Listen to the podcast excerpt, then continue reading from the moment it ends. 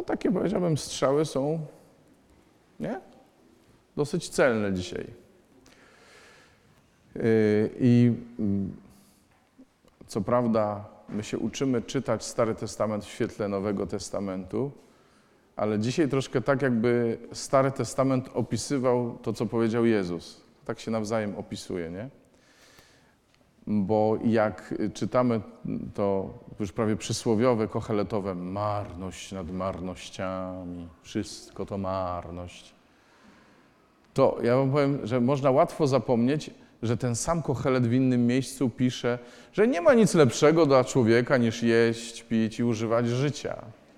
Ten sam Kochelet. W tym samym Starym Testamencie. A ponieważ Słowo Boże, jak wiadomo, tłumaczymy Słowem Bożym, więc trzeba zrozumieć, o co właściwie kaman.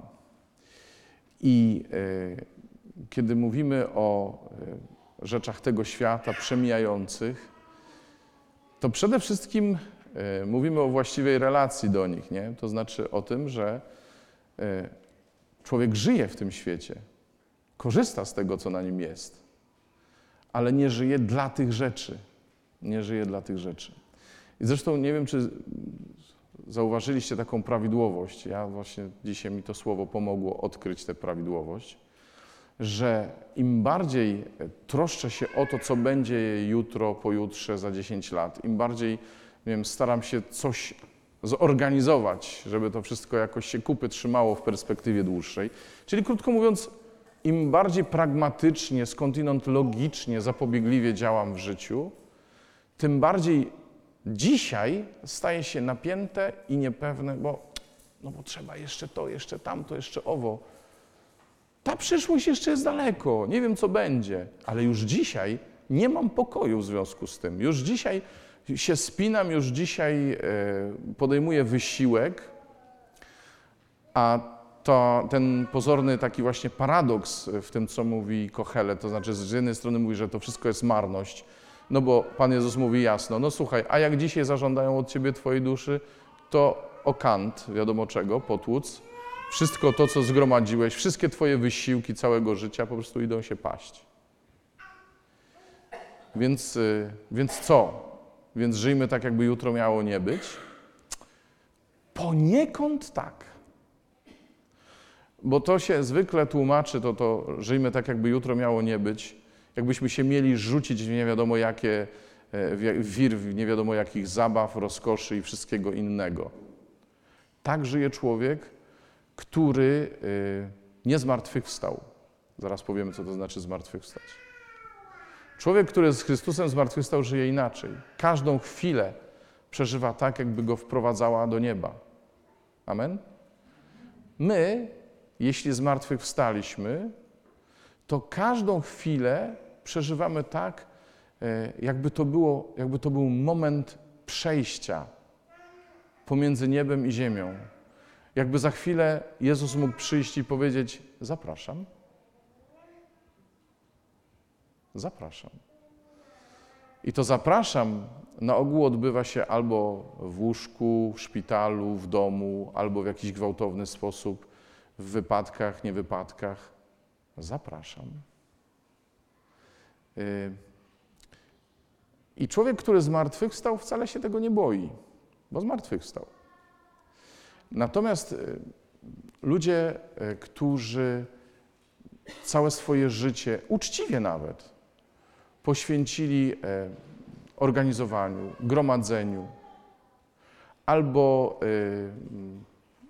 wyszukiwaniu coraz to fajniejszych przyjemności i tylko temu i niczemu więcej, w tym momencie ostatecznym często przeżywają straszny lęk, obawę. Nie wiadomo dlaczego, bo do tej pory nie brali pod uwagę, że coś tam jest jeszcze.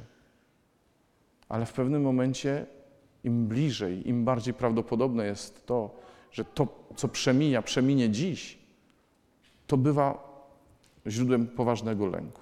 I teraz o tym powstaniu z martwych.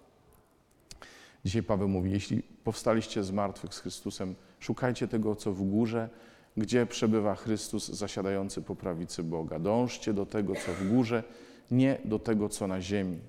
Umarliście bowiem i wasze życie jest ukryte z Chrystusem w Bogu. Zmartwychwstać to znaczy, że się umarło. Zmartwychwstać to znaczy rzeczywiście e, swoją nadzieję składać nie w tym, co ja mogę, ale w tym, co On może. Nie w tym, co ja mam, ale w tym, co On ma. Oraz nie w tym, czego ja chcę, ale w tym, czego On chce. Amen. I to jest zmartwychwstanie, słuchajcie.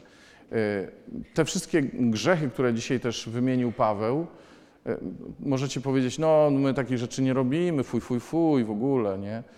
Ale tak naprawdę te rzeczy y, mówią o jednym, o korzystaniu z różnych rzeczy na świecie w sposób niegodny.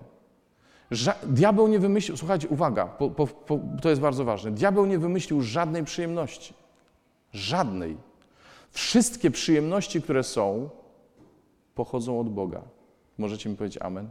amen? Wszystkie przyjemności pochodzą od Boga. Problem jest tylko w tym, jak z nich korzystamy.